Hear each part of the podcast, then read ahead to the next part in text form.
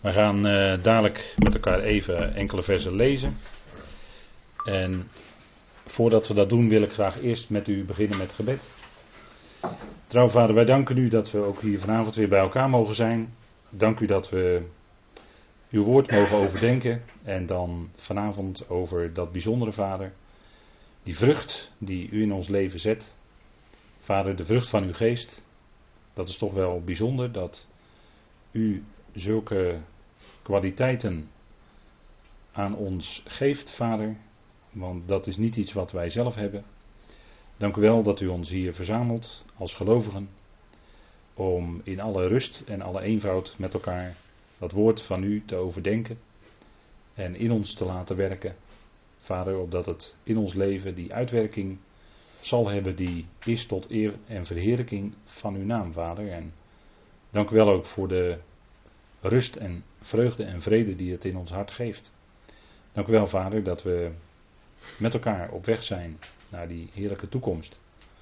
Dank u wel, Vader, voor het feit dat u ook bent bij hen die er vanavond niet bij kunnen zijn, om welke reden dan ook. Vader, en dank u wel dat u dicht nabij bent. Ook daar waar sprake is van ziekte en zwakheid. Dank u wel, Vader, dat we ook daarin naar elkaar mogen omzien en voor elkaar kunnen bidden. Dank u wel, Vader, voor uw trouw, dat u altijd nabij bent. Dank u wel dat we, Vader, ook zo vanavond enkele woorden mogen overdenken. Geeft u daarin wijsheid, uitdrukkingsvermogen, om het woord, de gedachten van u te kunnen uitdrukken. En mag het overkomen, Vader, geeft u daarin wijsheid. Geef ons een luisterend hart. En dank u wel dat we zo, Vader, beseffen steeds weer van u afhankelijk te zijn. In alle opzichten. Dank u wel daarvoor. En mag het zijn, Heer, tot lof en eer van uw naam. Amen. Goed, wij uh, gaan met elkaar nadenken over de vrucht van de geest. En ik stel voor dat we daar gelijk maar over gaan lezen. Galaten 5, vers 22. We hebben die uh, voorgaande versen besproken. En we, gaan, we zijn vorige keer eigenlijk een beetje blijven hangen, om het zo maar te zeggen bij dat eerste facet van de liefde. En daar wil ik ook vanavond wat verder op doorgaan. En ik denk dat daar best wel het nodige over te zeggen is. En wij lezen dan in Galaten 5 en dan het uh, eh, 22e vers. En er staat: De vrucht van de geest is echter liefde, vreugde, vrede, geduld, mildheid, goedheid, geloof, zachtmoedigheid, inhouding. Tegen zulke dingen is de wet niet. Wie nu van Christus Jezus zijn, kruisigen het vlees tezamen met de hartstochten en begeerten. Indien wij leven in de geest, volgen wij in de geest ook de grondregels op. Laten wij niet aanmatigend worden, elkaar uitdagend, elkaar benijdend. Even tot zover dit stukje over de consequenties, de vrucht van de geest en van de genade in ons leven. We hebben daar vorige keer bij dat eerste aspect, de vrucht van de geest, de liefde hebben we stilgestaan. Het is uh, iets van, waarvan je zegt van nou, soms wordt er gezegd, dit zijn negen vruchten van de geest, maar dat staat er niet. Hè? Er staat het is de vrucht enkelvoud. En dat is niet alleen een taalkundige kwestie, maar het is de vrucht van de geest. En die vrucht die onthult zich in negen facetten, of die laat zich zien in negen facetten. En die negen facetten die heeft Paulus dan hier omschreven. En het is de vrucht van de geest. Het is de vrucht van de geest van God. Het is niet de vrucht van de eigen geest van de mens, maar het is de vrucht van de geest van God in de gelovigen. En die vrucht, ja, dat is toch iets kostbaars als u deze dingen leest. En misschien zegt u wel, als u heel eerlijk bent, nou, daar ben ik nog niet helemaal. Bij mij zijn er misschien, uh, is er misschien net één facetje zichtbaar, denkt u dan bij uzelf. En bij anderen denkt misschien hooguit twee. Maar we zijn allemaal op weg natuurlijk in een proces. We zijn allemaal op weg. En God zet in ons leven die vrucht. En die vrucht die heeft gewoon tijd nodig om te groeien. Net zoals we in het voorjaar weer de bloesems aan de bomen zien. Dan weten we dat die vrucht gaat komen. Maar nu zijn de bloesems aan de bomen, hè, april, mei. Maar die vrucht gaan we pas zien in, in, als die helemaal volgroeid is in september, oktober. dan kun je desgewenst de peren en de appels en de pruimen gaan plukken.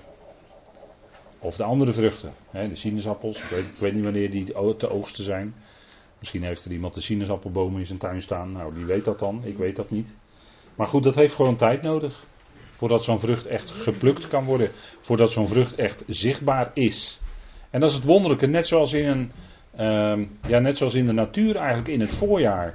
Ogenschijnlijk dode takken weer nieuw leven voortbrengen. Zo brengt God in ons eigenlijk eh, op zichzelf dode lichamen. Wat bedoel ik dan? Die lichamen die geven geen antwoord op, de, op God, zolang die geest van God er niet in werkt. Dan, zijn, dan is het de oude mens, het oude lichaam, en die is totaal niet in staat om te reageren op wat God wil. Vandaar dat de wet gelegd op het vlees bij Israël, want in de gelaten brief gaat het natuurlijk over wet of genade. Dus uh, u zult vanavond best nog wel een paar keer uh, aspecten van de wet tegenover die van de genade horen, omdat we nu eenmaal zitten in de context van de gelaten brief. Kijk, die wet gelegd op het vlees, dat was niet bepaald succesvol van de ene kant bekeken. Het zondigen werd alleen maar erger. Het bleek alleen maar des te meer dat de mens een zondaar is. Onder de wet. Dat was Gods demonstratie. Dus aan de andere kant, vanuit God gezien, was het wel succesvol. Want God liet daarmee zien, de, in de demonstratie door middel van het volk Israël, dat het vlees op zichzelf absoluut niet in staat is om de wet te houden. Het werd alleen maar erger. En Israël heeft systematisch alle geboden, en nu denk ik even aan de tien woorden, heeft systematisch alle geboden overtreden. En dat bedoel ik dan ook als volk zijnde richting God. En dat geldt ook in het persoonlijk leven van de mens. Daar waar de wet op de mens gelegd wordt, gaat de mens misschien enorm proberen zijn best te doen. Maar gaat ontdekken, als die eerlijk is, in het licht van de wet, dat hij er niet toe in staat is om het te volbrengen. Maar dat het alleen maar erger wordt. En hoe meer die probeert wel aan die wet te voldoen, hoe erger het wordt. Hoe erger het wordt. En dat is wat Paulus beschrijft. Want ik, ik pluk dat niet zomaar uit de lucht natuurlijk. Hè. Maar Paulus die beschrijft dat in Romeinen 7. En dat acht ik toch wel hopelijk een bekend hoofdstuk voor u. zo met, de, met het verstand zag hij wel dat die wet van God prachtig in elkaar zat. En dat het prachtig is en dat het ideaal is, dat hij goed is, dat hij heilig is, dat hij rechtvaardig is. Dat de wet geestelijk is zelfs. Maar vanuit zijn vlees was hij absoluut niet in staat om eraan te voldoen. Ik ellendig mens. Wat zal mij bergen uit het lichaam van deze dood? Ziet u, dood, lichaam. En dan komt het grote antwoord van Romeinen 7, vers 24. Genade. En dat is in de gecorrigeerde Sinaiticus tekst het antwoord. Wat er altijd al stond. Dat is eigenlijk niet te missen dat dat er stond. En dat is ook het antwoord op de hopeloosheid van de mens. Het hopeloze van het vlees, dat de mens in zichzelf het probeert. Maar de mens kan nooit uit zichzelf die vrucht van de geest voortbrengen. je kan heel geduldig zijn met andere mensen. En pluk ik maar even een facetje eruit, geduld.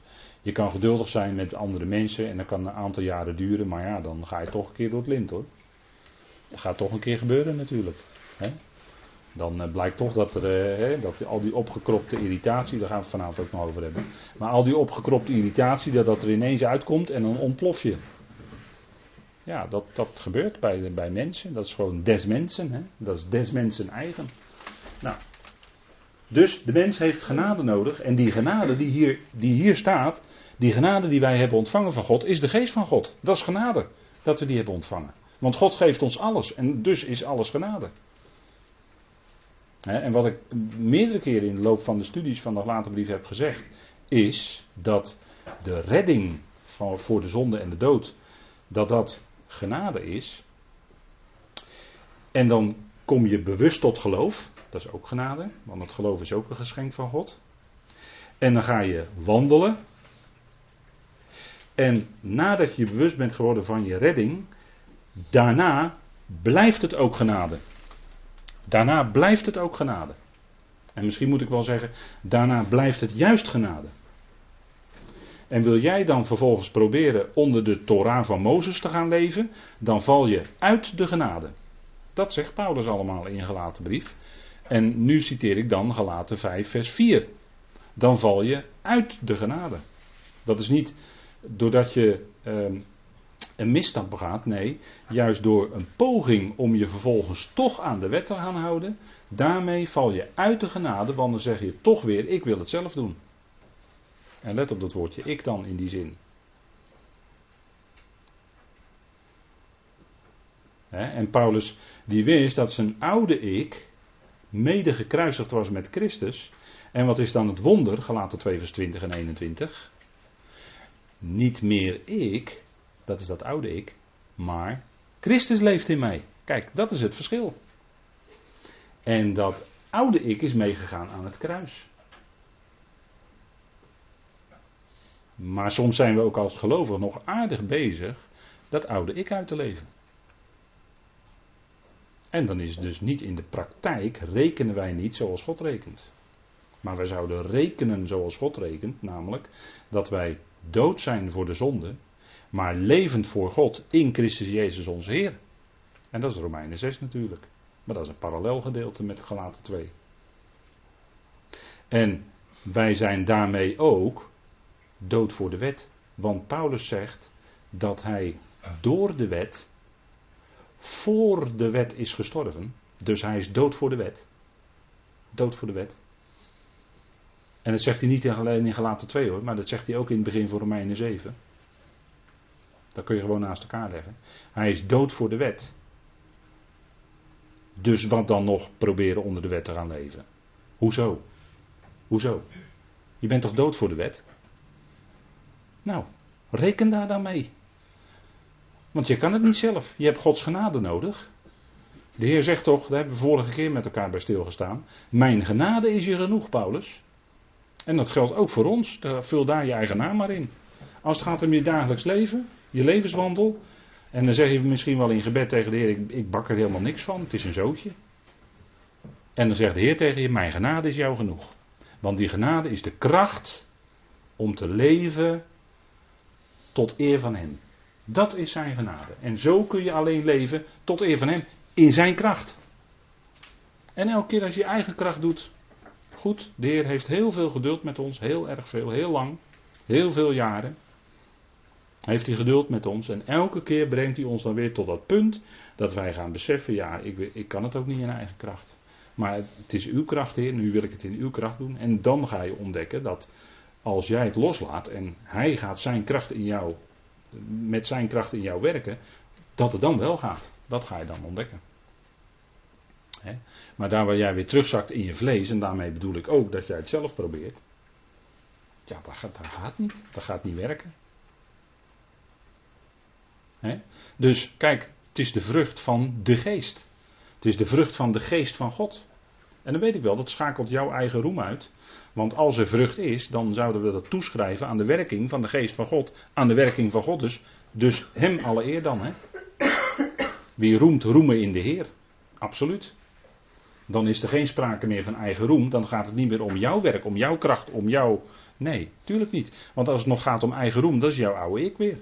En dat is mede gekruisigd. Dan moeten we wel eerlijk blijven hè, met elkaar. Dus oude ik betekent ook streep door eigen roem. dan, en dat is, dat, is, dat is eigenlijk het geheim. Gods genade is het geheim voor een wandel die tot eer van God is.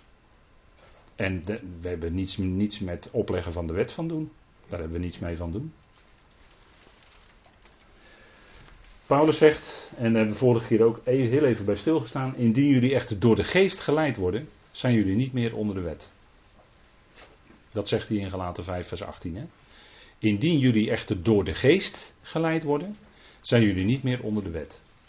En als jij in je leven je door de geest wil laten leiden, waar, leid je, waar laat je dan door leiden? Heel makkelijk is deze hoor, die kun je, zo, die kun je gewoon inkoppen. Door het woord. Ja, nou die, inderdaad, die kon je dus gewoon zo inkoppen. Als je door de geest laat leiden, dan laat je door het woord leiden. Want het woord is geest. En de geest werkt door het woord.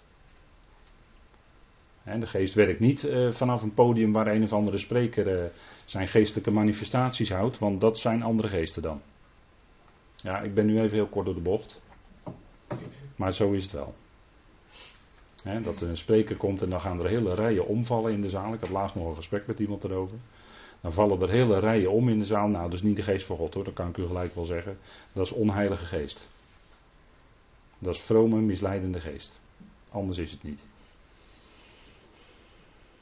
Dat uh, moet wel even de dingen gewoon duidelijk stellen zoals ze zijn. Want zo is het maar zonen van God, die laten zich leiden niet door hun eigen bedenksels, niet door de bedenkingen van anderen, niet door hun eigen hart of door het hart van anderen. Nee, die laten zich leiden door het woord van God. En niks anders dan dat. Nou, dat is die geest van God. Zo worden wij geleid door, door, de, door, de, door zijn geest, door het woord. En daarom is het ook goed om dat woord in je te laten komen. Dat is uh, niet, uh, niet achterover gaan zitten en, uh, en dan zeggen van zeg maar eens in, nou eens in twee zinnen jouw preek. Dat is mooi makkelijk, want dan ben jij er in twee zinnen vanaf. Dan kan je vervolgens weer gaan doen wat je zelf wil. Nee, gewoon komen en dan gewoon zelf luisteren, meeluisteren, actief luisteren. Dat woord open doen, aantekeningen maken eventueel. Actief luisteren, want dan gaat het woord pas werken hoor, anders niet. Als jij in twee zinnen de samenvatting van een preek wil horen en dan het in je, in je hersens opslaat, dat brengt jou niet verder hoor. Kan ik u gelijk wel zeggen. maar het woord horen en dat in je laten werken, daar is tijd voor nodig, daar moet je wat voor doen. Het komt je niet aanwaaien. Dus daar is inspanning voor nodig. En de Heer geeft, de Bijbelse opdracht die de Heer ons geeft, is niet. Uh, doe af en toe eens de Bijbel open en lees twee zinnen. Nee, onderzoek de schriften. Dat is de Bijbelse opdracht we zouden als een bereer zijn, de dingen nazoeken dat ze, of zij ook zo zijn. En zeg nou niet dat het te moeilijk is, want het gaat om geloof en het gaat niet om intellectualisme. Het gaat om geloof. Gelooft de schriften. Dan ben je wijzer dan de meest wijze mens op aarde. Want die leeft in zijn eigen waanwijsheid. En jij kent dan de wijsheid uit Gods woord. De vrezen des Heren is het begin van de wijsheid. Dus het begint bij diepe eerbied en respect voor Yahweh en dus ook voor zijn woord. Als jij zegt dat je respect hebt voor God, maar niet voor zijn woord, dan heb je geen respect voor God.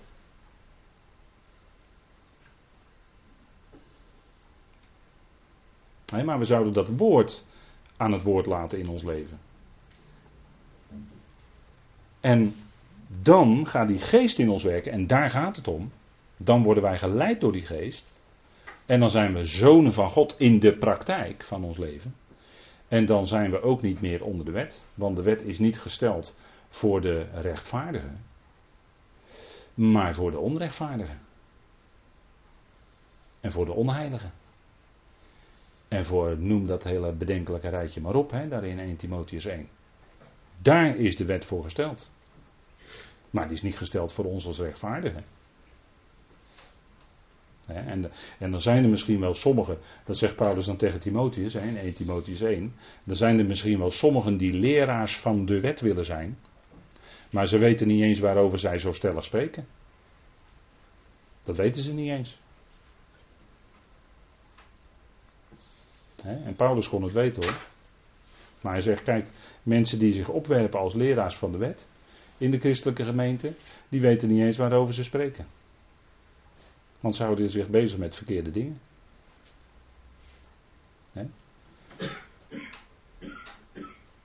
En, en dan zeg ik het nog niet eens. Nu zeg ik het nog niet eens. Zo scherp als Paulus het daar in 1 Timotheus 1 tegen Timotheus zegt. Zo scherp zeg ik het nu nog niet. Want hij zegt daar heel iets, iets heel scherps over. Maar goed, dan gaan we. Het is niet 1 Timotheus 1 vanavond, maar gelaten 5. Dus we gaan gauw door naar de vrucht van de geest. En de vrucht van de geest, het eerste aspect, is liefde. En het is wel eens gezegd, daar zit eigenlijk alles in. En daar, daar zit ook wel wat in, in die uitspraak. In de liefde zit eigenlijk alles al besloten. Dat is waar. Dat is waar. Kijk, en dit is een bekend eh, plaatje, denk ik, voor u. Een bekende, bekende, bekende woorden. Maar kijk, in het Hebreeuws is het woord liefde ahava. Heel mooi woord in het Hebreeuws. En dat woord dat komt al vroeg in de Bijbel voor, namelijk in Deuteronomium. En in verband daarmee noem ik ook het woord eenheid. Want het wonderlijke is dat die beide woorden, die hebben eigenlijk toch wel heel veel met elkaar te maken. Als je erover nadenkt. Kijk, als in de gemeente, als in de gemeente, het lichaam van Christus, hè, in de praktijk, als daar de liefde van God functioneert, dan krijgt die geestelijke eenheid, die krijgt ook uitdrukking in die gemeente, in de praktijk. En die liefde van God, die uit zich allereerst doordat de gemeenteleden liefde hebben voor het woord, liefde hebben tot het woord. En dat is een van die dingen die een gemeenschappelijke basis vormt, op basis waarvan je ook die eenheid van de geest in de praktijk kan uitleven. Eh, het middel daarvoor, en dat is eigenlijk zo logisch, want het is de eenheid van de geest waar Paulus het over heeft in Efeze 4. En die geest, die werkt die liefde juist. God is liefde. Nou, als zijn geest dan werkt, dan werkt dus die liefde van hem. Zo moeilijk is dat niet, hè, om dat lijntje af te lopen. Maar kijk, in de praktijk. Maar nu in de praktijk dan die eenheid van de geest uitleven. Dat, is, dat kan alleen maar als werkelijk die liefde van God in die gemeenteleden werkt. Dat is de enige manier. Dus liefde, Gods liefde, brengt werkelijke eenheid tot stand. En natuurlijk, God is één. Echat, zegt het Hebreeuws, hè? Dan. Echat. Hoor Israël, hoor. JW, jullie Elohim, jullie God is één. En er is ook maar één God. En dat kunnen we niet genoeg benadrukken. Maar er is maar één God. De schrift kent van Genesis tot en met het einde aan toe. Maar één God. En dat is de Vader van onze Heer Jezus Christus. Anders is het niet. Dit is wat de schrift verklaart van A tot Z. En dat zouden wij als gelovigen zeker moeten weten. En die God, die is één. Eén in zichzelf. En daarom is er ook van alles maar één oorsprong. En is er ook maar één einddoel. God heeft geen dubbel einddoel. Dat zou tegenstrijdig zijn aan wie hij is. Hij is namelijk één. Echat. En Echat, daar zit eigenlijk in besloten dat ook aan het eind. Aan het eind. Alles tot eenheid gekomen is. Waardoor? Door de liefde van God natuurlijk. Dat kan toch niet anders? Nou, Echat dat woord heeft sterk te maken met getuigen, getuigenis. En dat zal de hele schepping ook getuigen dat die God liefde is. Aan het eind zal elk schepsel dat getuigen. God is liefde. Heer is Jezus Christus. Dat zullen ze allemaal getuigen. Wat een geweldig einddoel van God. Hè? En dat is genade. Kijk, God is liefde en in die liefde heeft hij zijn volk geroepen. Dat is die ahava in het Hebreeuws. Dat woord voor liefde. En nu is het wonderlijke, ook nog eens een keer, en dat onderstreept het alleen maar, het is alleen maar een onderstreping, dat die woorden ahava en egat allebei de getalswaarde 13 hebben. En dat is natuurlijk geen toeval. En dit heeft niets te maken met Joodse kabbalistiek. Maar dit is de getalswaarde die bij het woord hoort en dat heeft God er zelf aangegeven.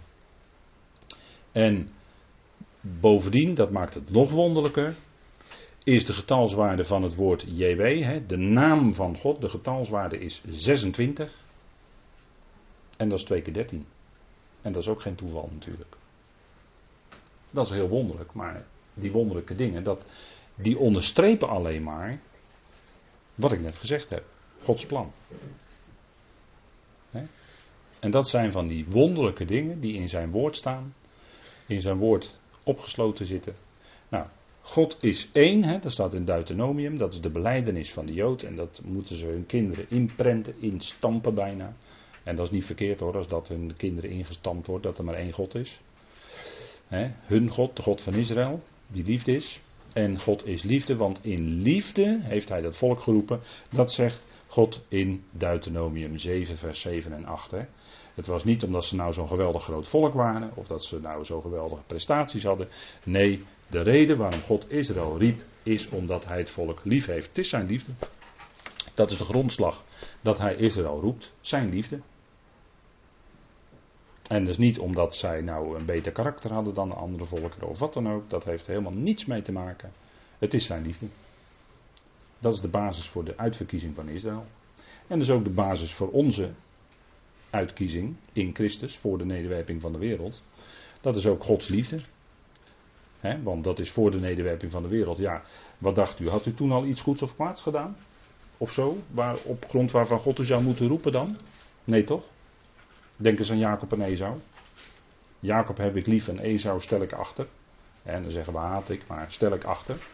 Dat was voordat zij ook maar iets goeds of kwaads hadden gedaan, staat in de Bijbel. Dus het heeft helemaal niks te maken met dat Jacob later een, uh, zo'n hiel, uh, weet je wel, zo'n hiel vasthouder was. Daar heeft helemaal niks mee te maken hoor. Maar het was gewoon dat God het van tevoren al zei. En hij had het van tevoren al vastgelegd, klaar. Nou, zo is het ook met onze uit, uitverkiezing. Dat is Gods liefde. Dat hij ons van tevoren al uitgekozen had, heeft helemaal niets met onszelf te maken, maar heeft alles met zijn liefde te maken, met zijn kiezende liefde. En als hij dat zo doet, ja, wie zijn wij dan om daar kritiek op te hebben? Mens, wie ben jij eigenlijk, zegt Paulus in Romeinen 9. Als hij het heeft over God verhardt wie jij wil en hij ontfermt zich over wie jij wil. En als jij daar kritiek op hebt als mens, joh mens, wie ben jij nou? Wie ben jij? Wie ben je eigenlijk? Een mens, je bent niets. Als het erom gaat, hè. Vandaag leef je en morgen kan je er niet meer zijn. Zo is het leven. Vluchtig, van één kant bekeken natuurlijk. En natuurlijk is ieder mens kostbaar in Gods ogen. Natuurlijk, natuurlijk is ieder mens kostbaar. Maar als het gaat om vergankelijkheid, om sterfelijkheid, verderfelijkheid. Joh, je bent niets. Wat heb je nou te vertellen, joh? Helemaal niks, je hebt helemaal niks te vertellen. Nou, en God kiest ons toch? Ongelooflijk, hè? Nou, kijk, God is liefde. Kijk, en die liefde, want ik ben vorige keer wat snel door dat 1 Corinthië 13 gegaan, maar ik wil er toch nog even op terugkomen, omdat ik denk, ik laat toch een heleboel liggen. Vind ik jammer. Nu we toch in dat, op dat punt gekomen zijn, de vrucht van de geest is liefde, dat is Gods belangeloze liefde. Het woord agape is, als u het mij vraagt, heel erg afgeleid van het Hebreeuwse woord ahava, ook taaltechnisch gezien. Dat lijkt daar heel veel op. En dat is echt niet zo'n gekke gedachte hoor. Maar kijk, Gods liefde, daarvan worden wat eigenschappen genoemd in 1 Korinthe 13. En die eigenschappen komen natuurlijk ook deels tegen in Galaten 5. Dat kan ook niet anders. Hè, omdat het in beide gevallen over die geest van God gaat.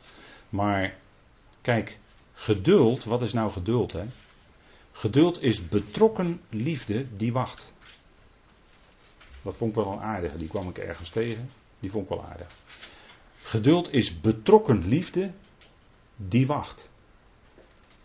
En als illustratie zou je ervan kunnen nemen een landbouwer. Want wat, wat doet iemand die uh, land- en tuinbouw doet? Nou, die gaat zaaien. En die stopt allemaal zaad in de grond. En die moet heel veel geduld hebben voordat het allemaal uitkomt. En voordat het vrucht oplevert en resultaat oplevert. En misschien wat geld oplevert om van te leven enzovoort. Maar die moet heel veel geduld hebben. Die moet uh, eerst zaaien en die moet het allemaal netjes bijhouden, onkruid wieden. En als je, hè, dat, ik, ik weet dat uit ervaring, als je aan het begin van een veld bent, dan uh, begin je al dat onkruid vrolijk weg te halen. En als je aan het eind van het veld klaar bent, een paar dagen later, dan kan je weer aan het begin van het veld gewoon gaan beginnen. Want daar is dan alweer inmiddels opgekomen. Je zou bijna zeggen, bijna een hopeloze taak. Hè? Maar je moet het inderdaad heel veel geduld hebben. En betrokkenheid bij waar je mee bezig bent. En zo zal een veeboer ook betrokken zijn bij zijn vee. En daar ook tijd voor moeten investeren voordat dat vee uh, wol gaat opleveren of melk of uh, wat dan ook maar. Hè. Maar daar moet hij heel veel tijd en aandacht en energie aan besteden. Dus heel veel liefde voor hebben. En geduld dus ook, geduld vooral. Hier gaat het om geduld. Geduld hebben. Totdat die oogst, hè, totdat dat komt waar jij op wacht. En dan moet je geduld hebben. Nou, dus een, een, een eh, land- en tuinbouwer en een veeboer, die kan natuurlijk zo vertellen hoor. Dat je geduld moet hebben met die beesten. En die beesten hebben allemaal zo hun eigen karakter, hè, koeien. Ik had ooms die hadden koeien in Friesland. En die vertelden mij dat iedere koe een eigen karakter heeft. Nou, dat is zo hoor. En ze kenden elke koe, ja, dat is die en die, die heeft zo, zo, zo en zo karakter. Dat is echt. Die beesten hebben allemaal een eigen karakter. En die gaven ook melk. Nou, dat is fijn. Maar dan moet je wel geduld hebben met die beesten. Want ja, soms zijn ze stuurs en gaan ze er tegenin. En het zijn soms net kinderen. Hè. Dan gaan ze er tegenin bij wat jij eigenlijk wil of wat jij voor ogen had. Of je dacht van nou, als mijn zoon nou eens een knappe arts kon worden. En dan gaat die zoon gaat iets heel anders doen. Ah, daar had jij misschien als ouder niet op gerekend. Maar ja, dat is nou ook een stukje liefde. Hè? Dat je dan je kind niet stuurt in die richting die jij graag wil. Of wat jij je kind graag. Want daar ben je later zelf als ouder dan trots op. Hè? Dat zit er dan een beetje bij. Dat jouw kind dat toch heeft bereikt. Dat zet, ook een pluim op jouw hoed natuurlijk. Begrijpt u? Maar kijk, als je. Uh, daarin, zit, daarin zit ook een stukje liefde die je naar je kinderen toe betoont. Dat ze de ruimte krijgen gewoon om zich te ontwikkelen. En die, die kant op te gaan, ja goed, dat, dat, en dat wacht je dan af. En daar moet je ook geduld mee hebben. Hè, want het kan best zijn dat ze met de studie beginnen en dan lukt het niet. En beginnen ze met een andere studie en dan lukt het ook niet. En dan moet je wel geduld hebben. Hè. Maar dat leer je dan wel. Dat leer je wel. En net zoals die boer. Of uh, waar ik het net al heel even over had. Gemeenteleden onderling. Hè, nou, nou kijk ik zo eens even de kring rond, maar de, de reacties die spreken wel boekdelen hoor, voor mij. Wat voor, de, wat voor reacties er, nu komen op de gezichten. Maar kijk, gemeenteleden onderling, dat is, dat is soms een heel moeilijke zaak. Een moeizame zaak. En wat moet je dan geduld hebben met elkaar?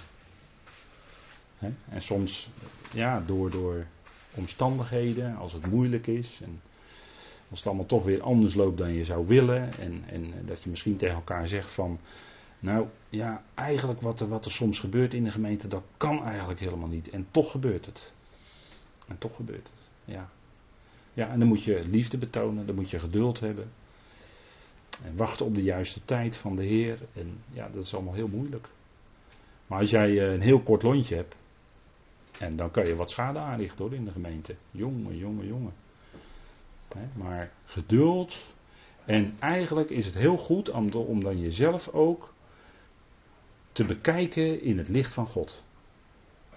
al die jaren dat God al met jou bezig is, op weg, tientallen jaren misschien al. En dan zeg je nog wel eens van, nou heb je dat nog niet geleerd? Na zoveel jaar? Ja, die, die die punten misschien wel, maar dat heeft God dan uitgewerkt in je leven. Maar er zijn misschien ook nog wel punten die, eh, waarvan je zegt van nou ja, nee, nee, dat ga ik, nee, nee. Dat loopt nog niet zo uh, zoals het eigenlijk zou moeten, dat weet ik wel. Nou, wat voor geduld heeft God dan met jou? Wat heeft, voor geduld heeft God dan met jou? Nou, als je dat gaat beseffen, als je daar iets van gaat beseffen, dan heb je automatisch al naar die ander toe ook al wat meer geduld, denk ik. Ik denk dat het zo ook wel werkt. En ik ben altijd onder de indruk van dat God met veel geduld, dat staat er ook hè, in Romeinen 9, met veel geduld de instrumenten of de vaten van, van verontwaardiging of van toren draagt. Weet u, daar staat heel veel hoor. God draagt, nagaan hè, God draagt, wie? God, met veel geduld de instrumenten die eigenlijk bestemd zijn tot de toren, tot verontwaardiging. En die instrumenten, die hebben een gedrag, nou, nou, nou, nou, nou. Dat wijkt aan alle kanten van God af. En daar heeft God nou geduld mee. God wacht in geduld tot het juiste moment en dan grijpt hij in. En dan zal hij die instrumenten ook op de juiste plaats zetten, dan komt het gericht natuurlijk. Dat gaat natuurlijk een keer komen. En Sommige mensen die zeggen wel eens tegen van joh, wanneer komt de Heer nou? Ja, dat weet ik ook niet. Maar ik geloof wel dat het spoedig is. Dat wel, zeker. Maar ik kan niet zeggen dat de Heer nou al in 2015 gaat komen of in 2016. Dat kan ik niet zeggen. Maar dat de Heer wel binnenkort gaat komen, ja, dat kan niet anders. Want als je om je heen kijkt in de wereld, dan stapelt het zich allemaal op in hoog tempo. En dan denk je wel eens van, nou, hoe lang moet dit nou nog allemaal doorgaan? Hè? Want het is eigenlijk wel een zootje in de wereld. Het is wel chaos. Maar hoe lang moet dat allemaal? Nou, dat is Gods geduld. En daar kun je verwonderd over zijn bij tijd en wijle. Gods geduld. Dat hij zoveel geduld heeft met deze wereld. Met al die mensen. Die allemaal van, waarvan er zoveel zijn die soms mijlenver van God afwijken en in diepe duisternis zijn. En dat God daarmee geduld heeft. Onvoorstelbaar.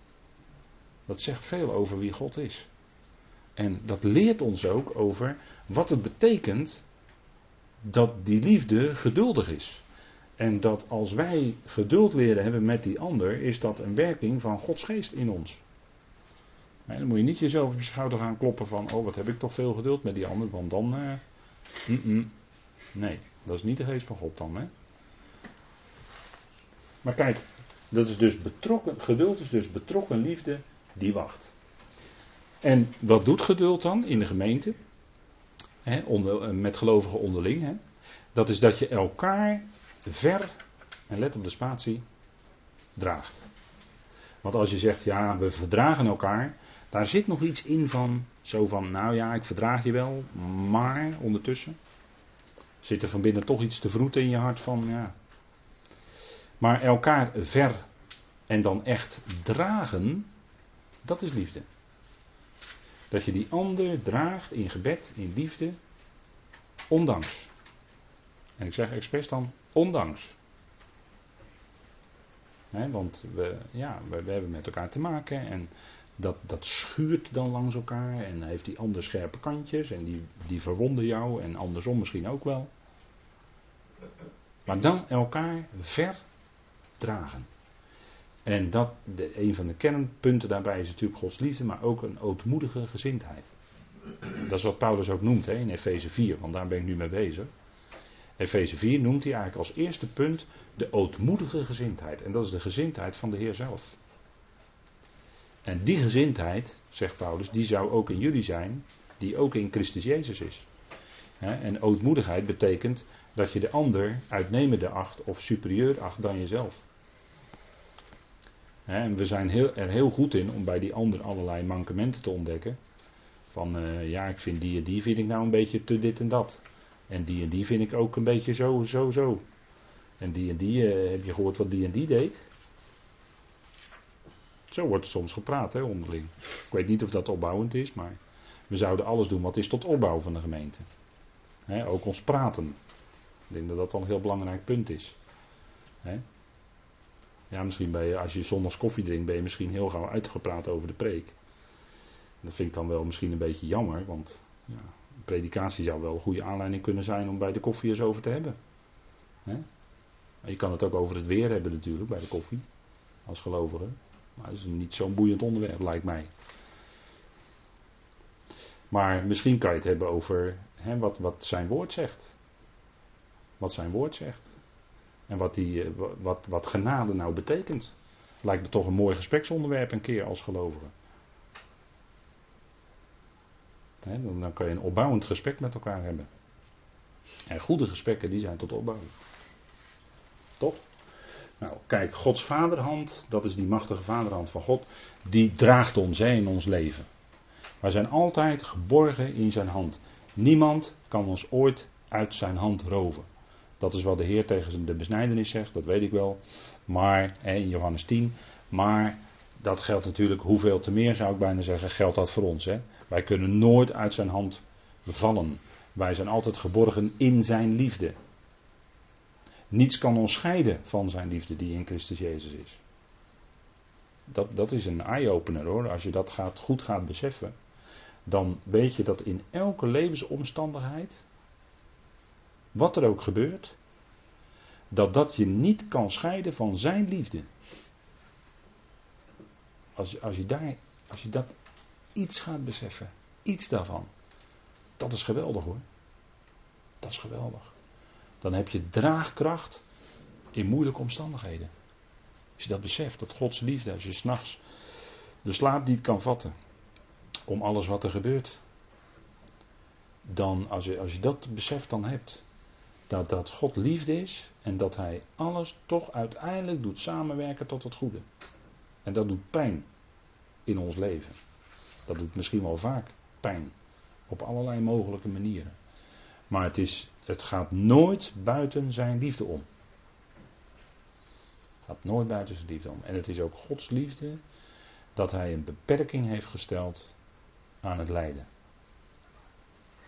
Dat lijden is een keer voorbij. En de heerlijkheid die komt, nooit. Die gaat nooit voorbij. en het lijden van nu bewerkt zelfs, zegt Paulus, een ongelooflijk zwaar gewicht aan heerlijkheid. En als hij dat tegen elkaar afzet, dan spreekt Paulus zelfs, en Paulus kon het weten, want die heeft geleden hoor, die heeft geleden. We hebben dat onlangs met die Bijbelstudie over het vasten, hebben we nog die rijtjes genoemd. Hè? Nou, die heeft geleden hoor, Paulus. Die wist waar hij het over had. En die zegt dat het is een lichte last van de verdrukking. Nou, daar, moet je echt, daar moet je wat tijd overheen laten gaan voordat je daar iets van, iets van gaat beseffen. Dat hij de dingen zo tegen elkaar zet dat het lijden en de verdrukkingen, dat het eigenlijk een lichte last is ten opzichte van de zware heerlijkheid die gaat komen. een gewicht aan heerlijkheid. En dan speelt Paulus met het Hebreeuwse begrip. Want het Hebreeuwse begrip voor heerlijkheid betekent ook zwaar. Dus hij heeft iets over een gewicht van heerlijkheid. Dus dan heeft hij dat voor ogen, hè? dan heeft hij dat in gedachten, dat Hebreeuwse. Heerlijkheid, dat is zwaar, dat is veel. En dat heeft ook te maken met licht. Licht. Want God is licht. En uiteindelijk zal er in de schepping ook alleen maar letterlijk licht zijn. Dan zal alle letterlijke duisternis ook verdreven zijn. Niet alleen de geestelijke, maar ook dat, waar het een, eh, dat wat een illustratie vormt van geestelijke duisternis, namelijk de nacht, de letterlijke duisternis, die zal ook verdwenen zijn. Want duisternis betekent dat het licht wordt teruggehouden in het Hebreeuws. Hè? Betekent terughouden eigenlijk, goshek. Betekent terughouden, terughouden van het licht namelijk. Dan is de duisternis. Maar er komt een moment dat God dat licht niet meer zal terughouden en dat dus alles licht zal zijn in de schepping. Fantastisch hè? Fantastisch, daar gaat het naartoe. Dat is die nieuwe schepping. Dat is een en al licht. Licht, leven, liefde.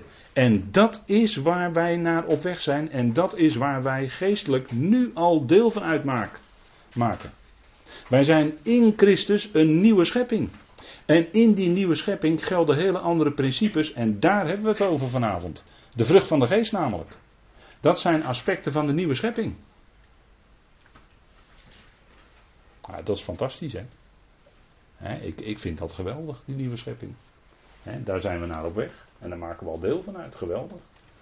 Nou, kijk, kijk, die liefde. En daarom is het goed om naar dat boeiende te kijken. Al die aspecten. Hè, want de liefde is eigenlijk een diamant met, met ongelooflijk veel vlakjes. En vanavond zullen we een aantal vlakjes met elkaar bekijken. Die schitteren dan even vanavond. Maar er is nog veel meer natuurlijk over te zeggen. Want je zou er wel avonden over kunnen vullen. Maar kijk, die liefde is mild. En heb je weer zoiets, hè? Wat zijn we vaak hard over en tegen elkaar. Hebben we nou niet door dat datgene wat we zeggen die ander onaangenaam hard kan raken? Hebben we dat nou niet door? Ik, eh, ja, ik, ik vind dat altijd het beste te merken in de woorden die mensen spreken. Dat mensen zo hard zijn van binnen. Maar als je mild bent van binnen, dan ben je ook bruikbaar. Bruikbaar, want dat zit in het Griekse woord. Hè? graomai of grestotes. Of, uh, nou ja, goed, eh, ik, zal nu stoppen. Maar mild, dat betekent bruikbaar zijn naar die ander toe. Bruikbaar. En dat is het tegenovergestelde van onbuigzaam zijn. het is altijd goed om even te werken met tegenstellingen. Dan worden beide begrippen gelijk duidelijk met tegenstellingen. ik had het net over licht en duisternis, dat is ook zo'n tegenstelling goed en kwaad, dat is ook zo'n tegenstelling. Maar hier gaat het over mild is bruikbaar tegenover onbuigzaam zijn. Als je onbuigzaam bent, dan ben je hard. Dan ben je ongevoelig. Dan hou je geen rekening met de emoties en de gevoelens van anderen. En daar moet je rekening mee houden. De liefde houdt daar rekening mee. Gods liefde. Die houdt daar rekening mee. En, en dan is het goed om. Uh, als, dat, als die mildheid als die ruimte van binnen in je gaat komen door zijn geest gewerkt, dan, dan word je bruikbaar naar die ander toe en dan krijg je ook een stuk mildheid. En dat blijkt ook uit je woorden. Dat blijkt ook uit, uh, als er over misschien iemand anders gesproken wordt, dat blijkt dan uit hoe jij daarover inspreekt of hoe jij daarover spreekt. Blijkt dan. maar we zouden op onze woorden letten, want woorden kunnen zo verschrikkelijk beschadigen die kunnen veel langer een beschadiging aanrichten in een mensenleven dan uh, bij wijze van spreken een letterlijke klap die je uitdeelt. maar woorden die iemand spreekt, die kunnen werken als messen. Dat zegt spreuken, dat zeg ik niet, dat zegt spreuken. Zoekt u dat maar eens na. Er zijn er wiens woorden werken als dolksteken. Ik citeer hem nu letterlijk uit een vertaling. Als dolksteken staat er dan. En dat is niet, niet verkeerd vertaald hoor. Maar dan ben je dus bezig die ander te beschadigen. En we zouden zo enorm op onze woorden. Hè, ja. Dat is wat Gods liefde dan in ons werkt. Dat je ook anders, hè, dat je ook milder wordt. En dan is automatisch te merken in de woorden die je spreekt. Hè, want van de ongelovige mens, er staat in Romeinen 3 nogal wat hoor, wat over de lippen komt. En wat Paulus daar dan van die mond, de tong, de lippen, de keel zegt. In Romeinen 3. Nou, dat is niet fraai hoor. Maar zo is het wel met die oude mens. En we kunnen alleen maar daarvan verlost worden door de geest van God. Dat is het enige. Begrijpt u? Nou kijk, mild zijn, bruikbaar zijn, blijkt ook in de woorden die je spreekt. En als dat werkt, ja, dan werkt dat, dan werkt dat ook fijn uit. Uh, niet alleen naar, in je dagelijks leven, maar ook in de gemeente onderling. Hè, de onderlinge verhoudingen in de gemeente. Hè, want uh, er is, het is wel eens gezegd, en ik denk dat dat waar is, dat het tegenwerken het meest actief is onder gelovigen. Kijk, die ondergelovige die heeft hij al in zijn duisternis. Daar heeft hij in, zijn licht, hè, dat is duisternis. Hè, die heeft hij daar al. Maar die gelovigen, die zijn uit zijn duisternis gekomen in het licht van God. En daar wil hij natuurlijk in stoken. Daar wil hij, die wil die tegen elkaar uitspelen. Die wil die in, in onrust brengen, in verwarring brengen. Nou, en daar gebruikt hij dan mensen voor. Dus, nou, eh, kijk maar hè, dan, hoe, dat, hoe dat dan gaat bij gelovigen onderling. Als, men, als je dan bruikbaar bent, ja, dan werkt dat anders. Kijk, en dit is ook zo een, hè, de liefde is niet jaloers. de vorige keer eh, heb ik daarbij gezet, dat is de gunfactor 10. Je gunt een ander, je gunt een ander iets. Maar als je jaloers bent, dan ben je net als die hond daar. Dan ben je, hè, we zeggen dan spreekwoordelijk wel eens van uh, hij of zij zag groen van jaloezie. Maar uh, kijk, die hond die wil erg graag dat grotere bot hebben wat het kleine hondje heeft. Oeh, wat is het hondje jaloers? Wat zou die graag dat grotere bot willen hebben, zeg. Maar als je als gelovige onderling, hè, dan gun je elkaar. Hè dan gun je elkaar ook iets. Dan gun je die ander misschien die plek. Waarvan je misschien ooit dacht dat je die zelf graag had willen innemen, die plek. Maar als dan de Heer het zo uitwerkt dat iemand anders op die plek komt, dan gun je die ander dat ook. maar denk erom dat jaloersheid uh, on, in, in onderlinge verhoudingen veel kapot maakt hoor dat maakt veel kapot hoor, jaloersheid. want uh, ja. Het is nou net, uh, misschien, misschien gaat jouw kind nou net met, met die ene om wat jij niet wil. Of ja. Of ja, ja, het werkt hier zoveel dingen uit. Hè. Maar het maakt zoveel onderlinge relaties kapot. Jaloersheid omdat je, ja, de een die benijdt aan de ander, dat de ander met die een omgaat. En dat, ja, dat wil die ene liever niet. Die wil liever zelf met diegene omgaan. En eh, ja, dan komt er wat tussen, die gaat dan zitten stoken misschien. Nou, en zo maakt jaloezie, maakt dingen kapot. Dat kan. Of je bent jaloers misschien op, uh, op het, uh, ja, dat is heel, heel, heel plat gezegd natuurlijk, maar je bent misschien jaloers op het succes wat die ander heeft. Kan. En dan ga jij misschien alles proberen om dat uh, succes te dwarsbomen of uh, ervan af te doen. Of... Maar dat komt dan voort uit jouw jaloezie. Dat is vlees. Want er wordt genoemd in het rijtje werken van het vlees. Dan ben je bezig met je vlees. Maar de liefde, dat is dus de werking van Gods geest, dat staat tegenover vlees. Hè? De liefde is niet jaloers dan benijd je niet anderen. Kijk, en, en, ook onder de wet, onder de wet, eh, eh, lijkt het wel alsof jaloersheid nog extra werkt. want onder de wet, dan, dan, heb je allemaal, dan zijn er allemaal regeltjes waar je aan moet voldoen. En dan eh, denk je dat die een, die, die dan denk je dat die een beter aan die regeltjes voldoet. En daar ben je dan jaloers op. want jij wil ook graag aan al die regeltjes voldoen, maar ja, het lukt niet echt. En dan ga je misschien die ander wel beroddelen of zo, om die in een kwaad daglicht te stellen. Dat is allemaal onder de wet, hè. kan het nog versterken. Kan. Maar denk erom dat jaloersheid iets is wat. Jongen, jongen, jongen, jongen. Dat is iets hoor. Dat kan eh, op, op de laagste niveaus spelen onder mensen, maar ook op de hoogste niveaus hoor. wat denkt u van uh, politici onderling? Wat denkt u daarvan? die, eh, sommige politici die schuwen geen middel hoor. Ze willen zelf op het plus komen. Ze willen zelf de macht hebben. Politici gaat vaak om macht. Macht. En over de wet gesproken, kijk, ik had, het, ik had het daarnet over de leraars van de wet. Maar die willen dan, doordat zij de wet onderwijzen, want dat zit daar heel dichtbij, hè. Die willen dan, doordat zij de wet onderwijzen, willen zij macht uitoefenen over mensen. Want zij leggen de regels op. En als jij de regels oplegt, dan sta jij zelf in feite in zekere zin boven die regels. Maar jij legt ze wel op aan anderen. En dat geeft de macht. Maar eigenlijk geeft dat alleen maar een suggestie van macht. Want je bent eigenlijk bezig met iets waar je als gelovige helemaal niet mee bezig kan zijn, namelijk de wet opleggen. Dat kan niet. En vandaar dat Paulus zegt, dat hebben we de vorige keer aangehaald, dat hij bij die oudste van Mileten was.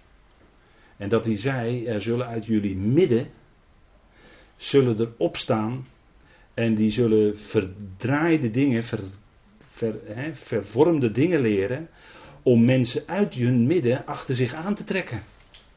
Dat zei Paulus hè, tegen die oudste van, van Efeze in Mileten, toen hij afscheid nam. En dat zijn geen loze woorden hoor, want dat gebeurt vandaag de dag nog net zo hard als dat er toen gebeurde. maar zo liggen die dingen. En dat heeft vooral te maken met dat mensen leraars van de wet willen zijn. En die gaat dan uit het midden gaan ze anderen wegtrekken. Dat doen ze. Om zich misschien op het vlees van die anderen, dat die anderen dan ook dat en dat gaan doen. Dan willen ze zich op het vlees van die anderen beroemen. Maar nu loop ik vooruit op gelaten 6. Want dat staat allemaal in gelaten 6. En dat is een. Uh, kijk, dat geeft dan even een doorkijkje in hoe het werkt. Want wat, wat dat betreft. Wat dat betreft. ik zal niet te ver uit de school klappen. Maar wat dat betreft. Denk erom dat het waar is wat Paulus zegt hoor. Denk erom dat het waar is.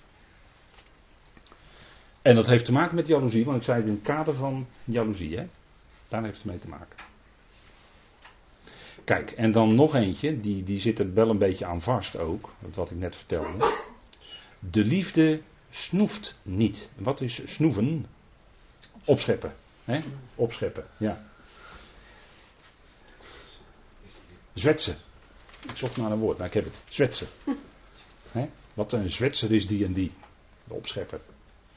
Weet je wel, dan uh, vertelt iemand dat hij aan het vissen is geweest, dan heeft hij, visserslatijn is dat hè. Dat hij wel uh, twintig van die uh, grote karpers heeft gevangen. Nou, lekker aan het zwetsen ben je dan hè. Misschien heb je de hele middag maar één karpertje gevangen. Maar je gaat lekker vertellen dat je twintig karpers, je hebt ze natuurlijk allemaal teruggegooid in het water, want ja, je bent een dierenvriend. En dat is allemaal niet te controleren hè, wat je gedaan hebt. Maar ja, goed, laat maar. Dat is allemaal een beetje flauwekul. Maar kijk, de liefde snoeft niet. En de liefde is niet opgeblazen. Kijk, die Corinthiërs, die waren opgeblazen. Die hadden wel kennis, want Paulus zegt in 1 Korinthe 8, want uh, dit is de Korinthebrief, 1 Korinthe 13. Paulus zegt in 1 Korinthe 8 dat kennis maakt opgeblazen. als je kennis hebt en je gaat je daarop beroemen, je gaat, en het zit alleen maar in je hoofd, ja, dan, dan ben je opgeblazen. Maar hij zegt dan in 1 Korinthe 8, vers 1, zegt hij dan, en de liefde sticht. De liefde bouwt op. want stichten is opbouwen. Het oude woord is stichten. En vandaar dat er ook allerlei stichtingen zijn. Dat heeft te maken met opbouw. Een stichting is een opbouw. Ja, een huis wordt gesticht. Is opbouw. Maar de liefde bouwt op. En wat is nou nuttig? want die Corinthiërs die zeiden, ja nee, die genade is geweldig groot en we hebben enorme rijkdom ontvangen en die genade is zo groot en uh, ja, we kunnen alles maar doen. Nou, Paulus zegt, nee, wacht even, wacht even. Hij zegt, alle dingen zijn mij geoorloofd, maar niet alles bouwt op. En wat is dan nuttig? Maar niet alles is nuttig, zegt hij. En wat is dan nuttig? Nuttig is datgene wat is tot opbouw van de gemeente. Dat is nuttig. En dat geldt ook in jouw persoonlijke leven. Wat is nou nuttig voor jou? Nou, dat je bezig bent met de dingen die zijn voor jouw opbouw. Want dan ben je ook bezig met opbouw van de gemeente, want jij bent gemeentelid. dus met vlees bezig zijn is niet tot opbouw. En dan erken je ook niet wat de Heer zegt. dat het vlees in feite dood is, mede gekruisigd. Nou, daar zouden we dan ook laten aan dat kruis. kijk, de liefde snoeft niet. De liefde is niet opgeblazen. Dus er gaat een dikke streep door dat ego. dat ego, dat, daar zijn ook nagels doorgeslagen aan dat kruis. ons ego is mede gekruisigd hoor. Niet meer ik, niet meer ego, zegt Paulus. Maar Christus leeft in mij. Kijk, dat was zijn nieuwe ik, zijn ware ik. En als je nou op zoek bent naar jouw identiteit, wat is nou onze identiteit? Nou, dit is onze identiteit. Christus leeft in mij. Dat is je identiteit. Je bent lid van het lichaam van Christus. En niks anders dan dat. Nou, dan heb je gelijk je identiteit. Zo moeilijk is het niet hoor. Zo moeilijk hoeven die dingen niet te zijn. Kijk, en wat dan die liefde is, dat is wat Paulus zegt in Filippenzen. Uw welwillendheid of misschien mag je ook zeggen, daar zit een klank in van bescheidenheid, maar een goede vertaalwoord is welwillendheid. Uw welwillendheid zij alle mensen bekend. De Heer is nabij. En als het moeilijk is met mensen, dan zegt Paulus, de Heer is nabij. De Heer is nabij. Laat uw welwillendheid of uw bescheidenheid aan alle mensen bekend zijn. En Nederlanders, Nederlanders hebben de eigenschap in het buitenland dat ze nogal brutaal en onbescheiden zijn. De grote monden, dat zijn de Nederlanders in het buitenland hoor. Toeristische plaatsen. Is zo hoor, is zo. Ik zeg toch niks nieuws? Nee, ik weet het. U, u, weet het. Ik zie het aan uw gezichten. Ja, u weet het dat het zo is. Maar kijk, gelovige Nederlanders, dan zou het anders zijn. Hè? Gelovige Nederlanders, uw welwillendheid, uw bescheidenheid zijn alle mensen bekend. Ja. Hè? En uh, hè, ook een bekende is, wees een heer in het verkeer. Hè, in het verkeer kun je ook heel bescheiden zijn. Je kunt ook brutaal zijn in het verkeer. Dat zie ik elke dag gebeuren, meerdere keren. Jongen, jongen, jongen, jongen, jongen, jongen. Dan heb ik het over de A12 en de A13, daar kom ik elke dag over. Nou, nou, wat je daar ziet, je wil het niet weten. Niks te bescheidenheid hoor. Ik wil eerst, ik wil vooraan, ik wil het snelst, is het daar. Maar kijk, voor ons is het uw welwillendheid. Welwillend zijn. Dat, dat is hetzelfde als met dat milde, Dat, is dat, dat is dat bruikbare. Daar zit dat bruikbare in. Van Gods liefde, dat je bruikbaar bent. Ten eerste voor God. En ten tweede voor de ander. En, en daarin Paulus heeft het ook in gelaten 5 over dat we elkaar zouden dienen. Hoe? Door de liefde, zegt hij. We zouden elkaar dienen door de liefde, door de liefde van God. Dan kun je werkelijk ook dienen. Niet dienen om gezien te worden, maar dienen omdat je God wil dienen. Zo dienen. dat. Dat is belangrijk hoor. Dat, dat is een, maakt een wereld van verschil uit. En, en eh, ja, ik, soms ligt het op mijn tong bestorven om iets te vertellen, maar dat doe ik dan maar niet. hoe, het, hoe, het, uh, hoe het toegaat. Maar kijk, het punt is wat Paulus, wat je ook in Paulus' leven ziet. Paulus was aan het eind van zijn leven niet meer welkom in de gemeentes die hij zelf had mogen opbouwen. Allen in Azië hebben mij verlaten. En wilde Paulus dan kosten van het kost toch daar op het podium spreken? Nee hoor, nee. nee. Paulus was een bescheiden mens. Dat, dat denk je misschien wel niet als je zijn brieven leest, maar het is wel zo hoor. Paulus was een heel bescheiden mens eigenlijk. Hij zei tegen de Corinthiërs ook: Ik heb misschien wel een groot woord tegen jullie op een afstand. Maar in jullie midden zou ik me heel bescheiden opstellen. Zo'n zo opmerking maakte. Het werd niet geloofd hoor, door de Corinthiërs, maar ja, die geloofden over het algemeen niet wat Paulus zei. Maar, hè, maar zo was het wel. Hij zou zich in hun midden, zou zich heel bescheiden opstellen. Maar als het op woord van God aankomt, ja, dan echt het woord van God en dan erbij blijven, op de strepen staan van het woord van God, dan was hij als een leeuw. Dan vocht hij voor, voor elk woord. Want dat ging om de waarheid. Hij was tot verdediging van het evangelie gesteld. Filippenzen 1, hè. Verdediging van het evangelie. En als die verdedigde, ja, dan was het ook niet, niet makkelijk hoor. Dan was die niet makkelijk.